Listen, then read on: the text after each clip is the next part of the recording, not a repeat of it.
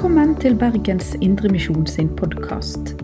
For mer informasjon om oss, besøk oss på betlehem.no, eller finn oss på Facebook og Instagram der som Bergens Indremisjon.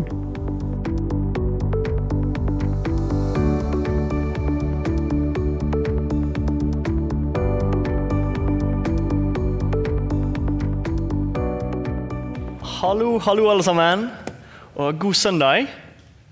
God søndag, Øystein. Tusen takk. Um, og god farsdag til alle fedre. Hvis ikke jeg har bommet helt, vær så god. Hvis ikke jeg har bommet helt, så er det i dag. Eh, Jeg sto opp tidlig og tegnte et kort til pappa, som han ble sånn middels fornøyd med, viste han. Eh, Men eh, god farsdag til alle fedre her.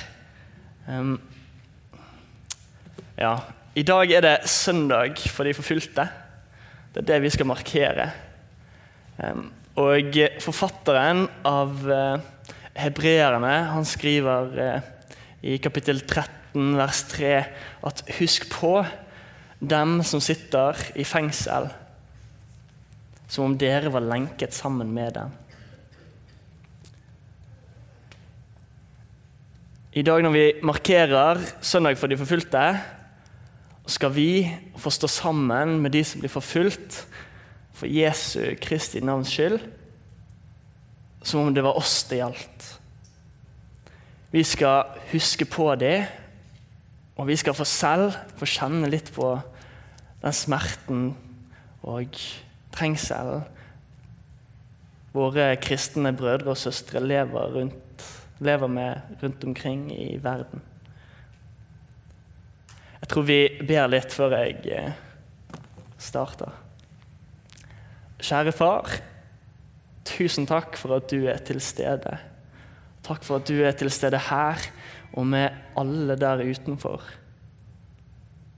Takk for at vi kan samles trygt til gudstjeneste.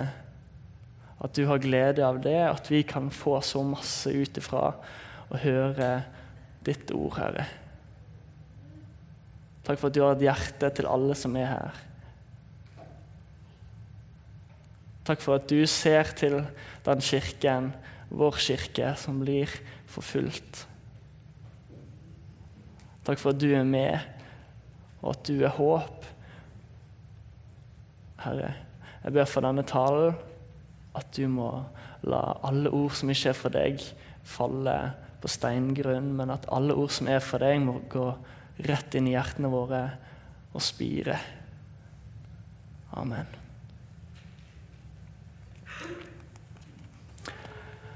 Hva var det som gjorde det verdt for deg å komme hit i dag?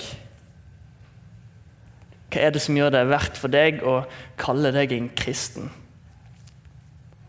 Hva gjør at det er verdt for deg å møte opp søndag etter søndag, eller Eller eh, oppdra barnet ditt til å bli en etterfølger av Jesus. Hva er det som gjør det verdt for deg å møte livet med dette stempelet over deg at du er kristen?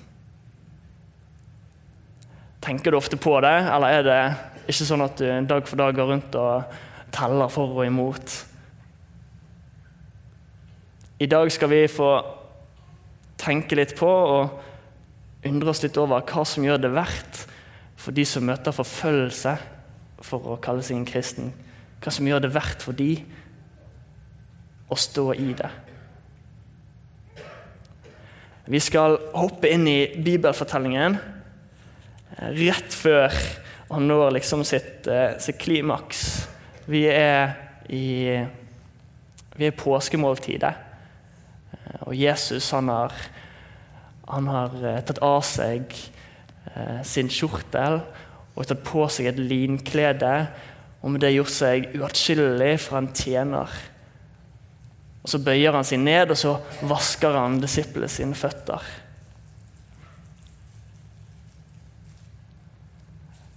Den allmektige Gud som gjør det som ikke engang disiplene gjør for sin mester. Han går ned i ydmykelse for dem. som et eksempel.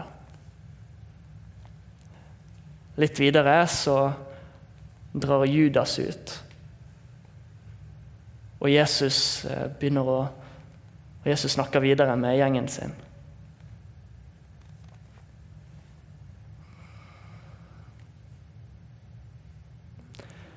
Tror du disiplene visste hva som kom til å skje?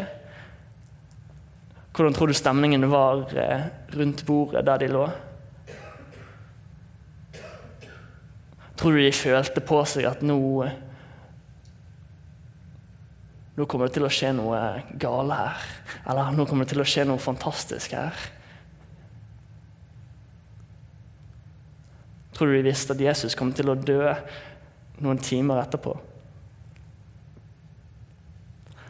At læremesteren deres, han som de var helt overbevist på var Messias, frigjøreren, at han skulle frivillig overgi seg.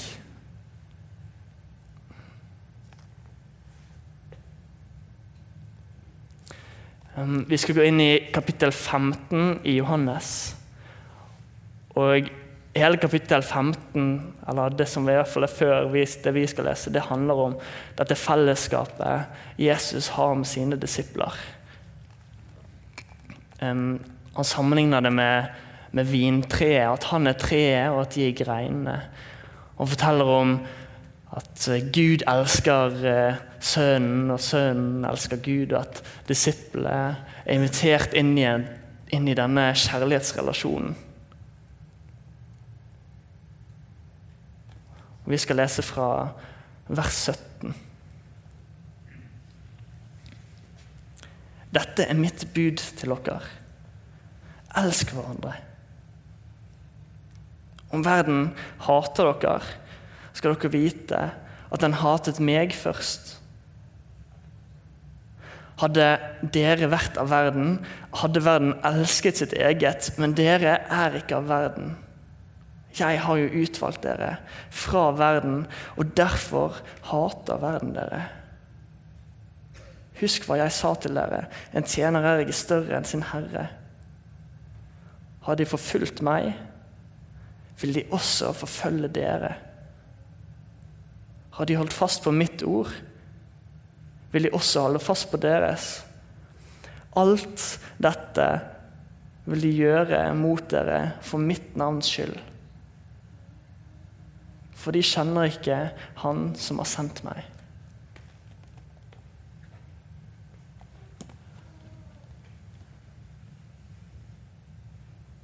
Det er kjempeskummel tekst.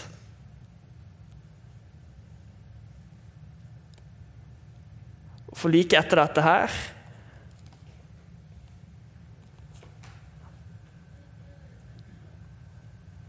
Så blir denne mannen som sier dette, han blir tatt til fange. Han blir torturert og spyttet på og spottet og til sist hengt opp på et kors.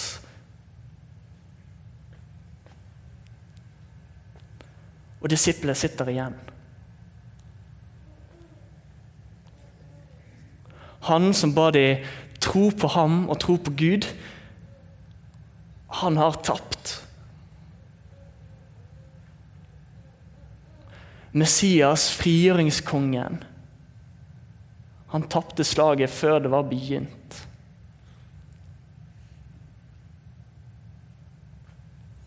Og han sa at det de gjør mot meg, det kommer de til å gjøre mot dere. Og hvordan sa han at de skulle møte det? Dere skal elske deres fiender.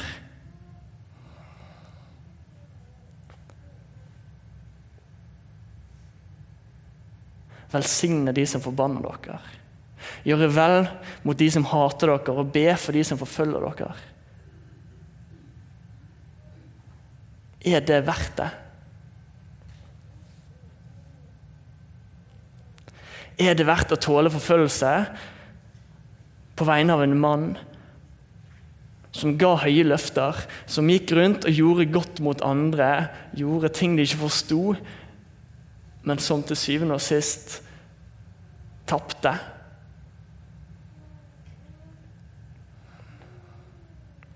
Nei. Det kan ikke være verdt det. Det tror jeg ikke. For oss som vet hvordan historien med Jesus ender, så er det kanskje litt vanskelig å sette seg inn i denne situasjonen. Men det skjer noe helt spesielt der. Jesus han viser sin styrke. Han viser den i svakhet, med å frivillig bli svak. Han viser sin allmakt med å gi han opp. Og det er helt paradoksalt. Vi kan umulig forstå det helt og fullt. Og for disiplene som sto midt oppi det, så må det ha vært helt håpløst.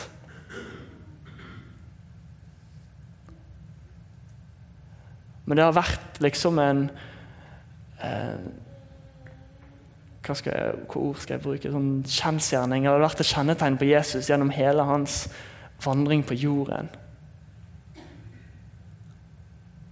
Det må frivillig ydmyke seg. Helt fra starten, når himmelkongen, den evige og allmektige, lar seg føde i en stall, en skitten stall, ufattelig sårbar, for å så legge ut på flukt som bare en baby. Til han da søker opp de svakeste og mest nedsette hele samfunnet. Bøyer seg ned til de som ligger der lamme. Tar på de syke og helbreder de. Rører ved urene, spedalske og vasker føtter, sånn som vi hørte nå i sted. Og det største av alt når han tar på seg min og din synd og bærer den opp på korset på Golgata. Jeg møtte en dame i fjor høst.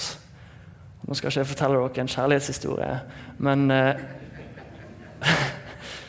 eh, Men jeg var på en konferanse som vi i Stefanusalliansen eh, har hvert år for nye kristne på den arabiske halvøy. For de så er det veldig vanskelig å finne et fellesskap, og hvis de finner det, så er det risikabelt å møtes. Og Jeg kommer ikke til å bruke navnet på den damen, for jeg vet ikke helt om dette, denne talen blir tatt opp. Jeg vet at mamma filmer og sender det til bestemor og bestefar. Um, men vi kan kalle henne Sara. Um, og Sara hun har en mann som ble kristen. Han møtte Jesus gjennom å finne noen bibelskrifter og begynne å lese dem. Og det oppslukte han helt. Og Sara merket at det var noe forskjellig med mannen sin. Men eh, hun tenkte ikke så veldig masse på det i starten. Helt til en dag hun bare spurte hva er det som har skjedd med deg. Du er jo helt ny. Jeg kjenner deg nesten ikke igjen. Og Mannen til Sara tok henne til siden og sa at eh, jeg tror jeg har blitt en kristen. Og livet til Sara det falt sammen akkurat der og da. Og hun sa, 'Du må skille deg fra meg'. Du må skille deg fra meg. Det er greit at du har valgt dette, her, men du skal ikke dra meg med i det du har rotet deg inn i. Nei, det vil jeg ikke, som mannen. Jeg vil ikke skille meg fra deg. Men vi må prøve å holde dette hemmelig. Så da bar Sara på hemmeligheten til mannen sin i flere år. Helt til en dag hun var i Tyskland på ferie med mannen sin. Hun hørte en gateevangelist helt tilfeldig på gaten fortelle historien om da Jesus møtte damen med brøden, kvinnen med brøden. Og Når Sara ser på meg og forteller meg dette her, så forteller hun det som at hun har en verden som har vært så stor. Og når hun hører fortellingen, så utvider verden seg, og det blir plass til hun.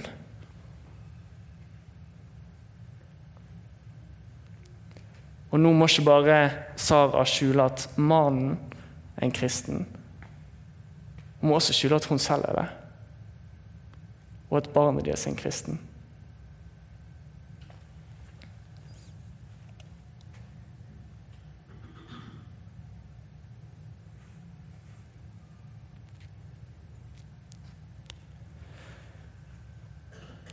Gud han har sine skatter i kar av leire. I noe som er så skjørt, noe som enkelt kan knuses. I det som mange vil se på som svakhet, viser han sin styrke. Ikke med det vi er blitt vant til, med våpen og muskler og sterke, skumle ord.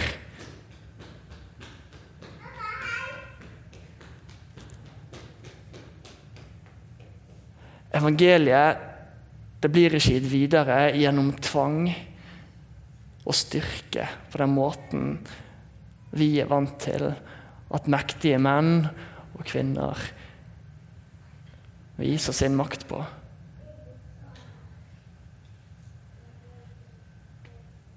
Men det blir gitt videre gjennom ydmykhet og sårbarhet.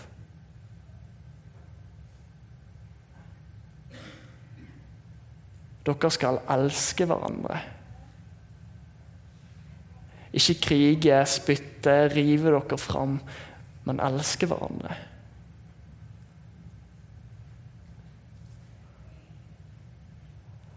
På grunn av at Jesus seirer over døden, så kan vi lese i 2. Korinterne 4,8 at Paulus skriver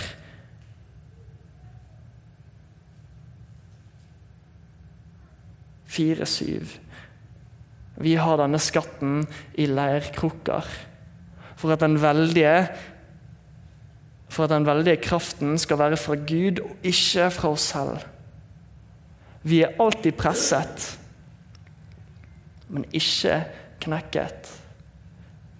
Vi er rådville, men ikke rådløse. Forfulgt, men ikke forlatt. Slått ned, men ikke slått i hjel.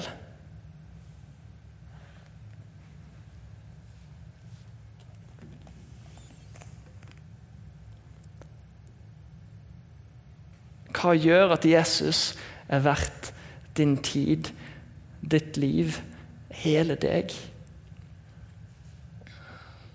Hva gjør at millioner tåler forfølgelse for hans navns skyld?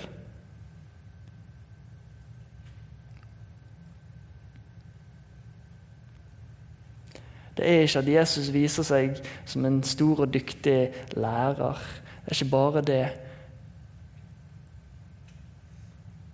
Det er ikke det at han til syvende og sist døde for oss.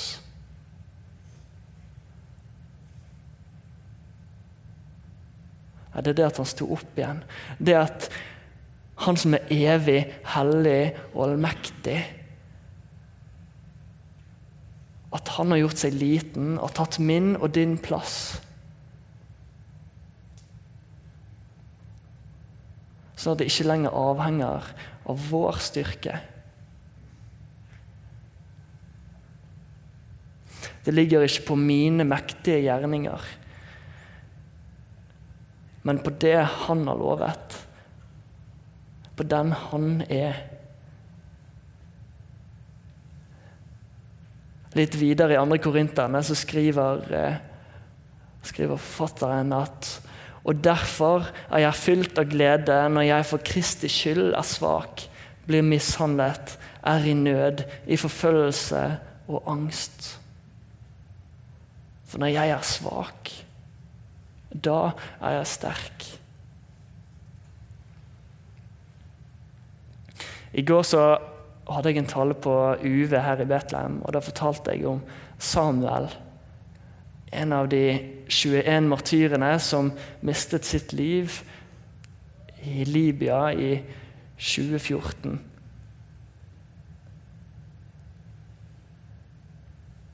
Det siste han sa, det var navnet Jesus. Han fikk jeg høre om da jeg var i Egypt i påsken i fjor. Og de som fortalte meg det, de ville ikke at, at jeg skulle se på de som offer. Det var ikke først derfor de viste det fram, for at jeg skulle synes synd på dem. Men det var fordi de ville vise meg vitnesbyrdet om denne mannen i familien deres som i det siste ropte ut det som betydde mest for ham.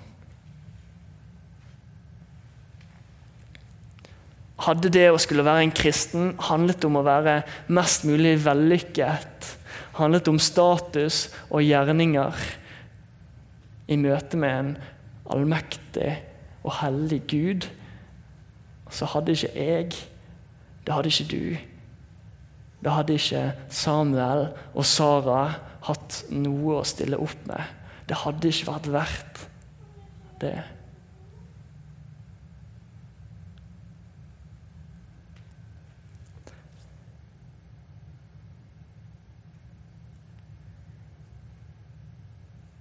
Det er i min svakhet at Jesus får vise seg sterk. Det er i mørket at lyset skinner sterkest. Og det er som barn vi er kalt å komme framfor Gud. Hjelpeløs og helt avhengig av det Han gir.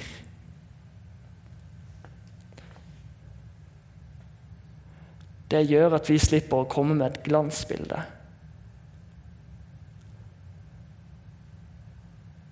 Den forfulgte kirke det er ingen glansbilde.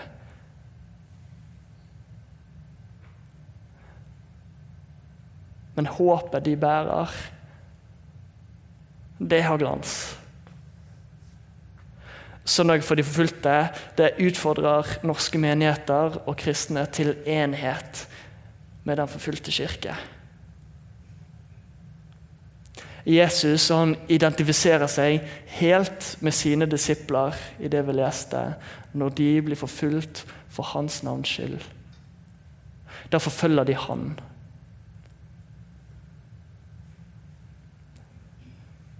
Eh, Mildrid leste at kirken, var, kirken er Jesus sin kropp i verden.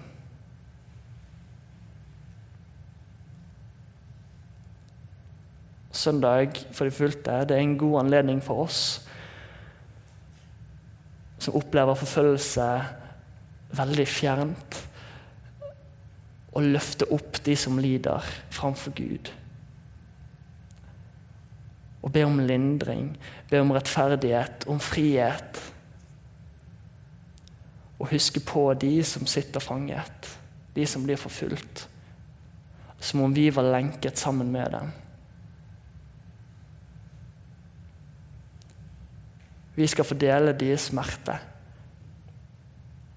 Men vi skal også fordele deres håp. Vi skal fordele deres Jesus. Og etter hvert så skal vi få lov å ta del i nattverden. Og helt konkret ta del i fellesskapet med de og med Jesus. Helt, helt konkret ta del i frelsen. Jeg tror vi ber litt til slutt. Kjære Jesus, tusen takk for den du er. Takk for at du ikke nødvendigvis er den vi tenker du er, men at du er den du er. Og at det er så mye større og så mye bedre og rommer så mye mer enn de boksene vi kan sette deg i må vi bare få se mer av deg hver dag. Jesus, jeg ber for den forfulgte kirke. Må vi som menighet Få lenke oss sammen med de. Få løfte de fram for deg. Herre, jeg ber om at vi må komme nærmere deg og se verden sånn som du ser den, Herre. Jeg ber for resten av møtet. Må vår lovprisning være til ære for deg, til glede for deg, Herre. Takk for at vi skal få ta del i nattverd og ta del i deg, Herre. Vi får velsignelse over Betlehem. I ditt navn, Herre Jesus. Du har lytta til Bergens Indremisjon sin podkast. For mer informasjon om oss, besøk oss på betlehem.no, eller finn oss på Facebook og Instagram der som Bergens Indremisjon.